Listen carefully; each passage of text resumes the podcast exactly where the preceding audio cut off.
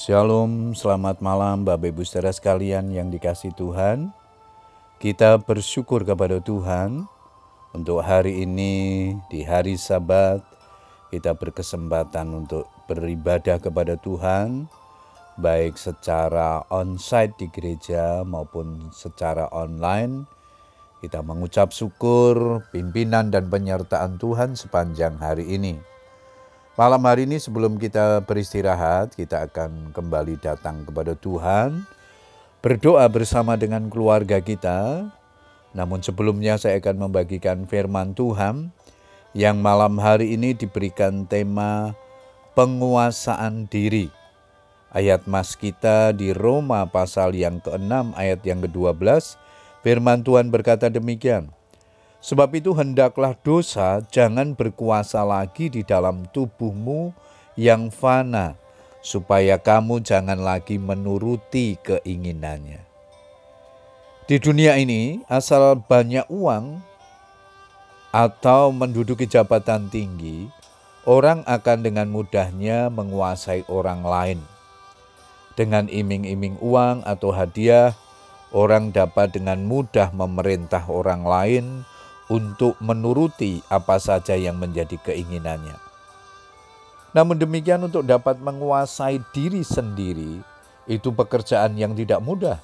Walaupun dalam hati ada keinginan untuk melakukan, sebab dalam diri manusia terbangun dua sikap yang saling berjuang, yaitu baik dan jahat, seperti dua sisi mata uang yang tidak terpisahkan. Ketidakmampuan dalam penguasaan diri membuat Saul selalu merencanakan hal-hal yang jahat terhadap Daud. Sehingga berbagai upaya dilakukan untuk membunuh Daud. Walaupun semuanya gagal, Rasul Paulus pun juga punya pengalaman yang hampir sama. Di dalam Roma 7 ayat yang ke-15 di sana dikatakan, Sebab apa yang aku perbuat, aku tidak tahu karena bukan apa yang aku kehendaki yang aku perbuat, tetapi apa yang aku benci itulah yang aku perbuat. Bapak ibu saudara sekalian yang dikasih Tuhan, agar kita dapat menguasai diri dan menang atas setiap pergumulan, kuncinya adalah berjaga-jaga dan berdoa. Sebab roh penurut tetapi daging lemah. Matius 26 ayat 41 dengan kekuatan kita sendiri, kita tak akan mampu menguasai diri kita karena pada dasarnya daging kita ini sangat lemah. Karena itu kita membutuhkan pertolongan Roh Kudus dalam hidup ini.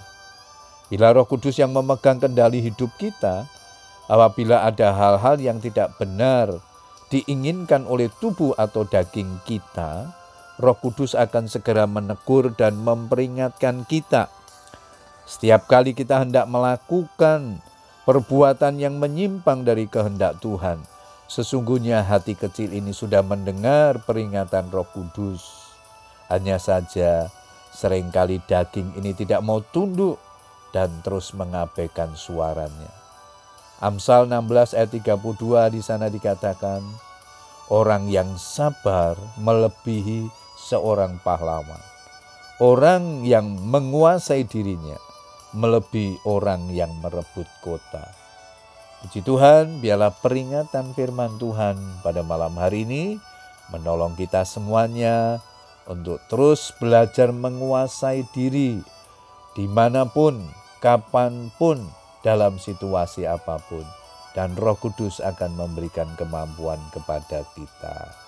Selamat berdoa dengan keluarga kita, tetap semangat berdoa, tetap berharap kepada Tuhan, percayalah mujizatnya selalu nyata dalam kehidupan kita. Tuhan Yesus memberkati kita semua. Amin.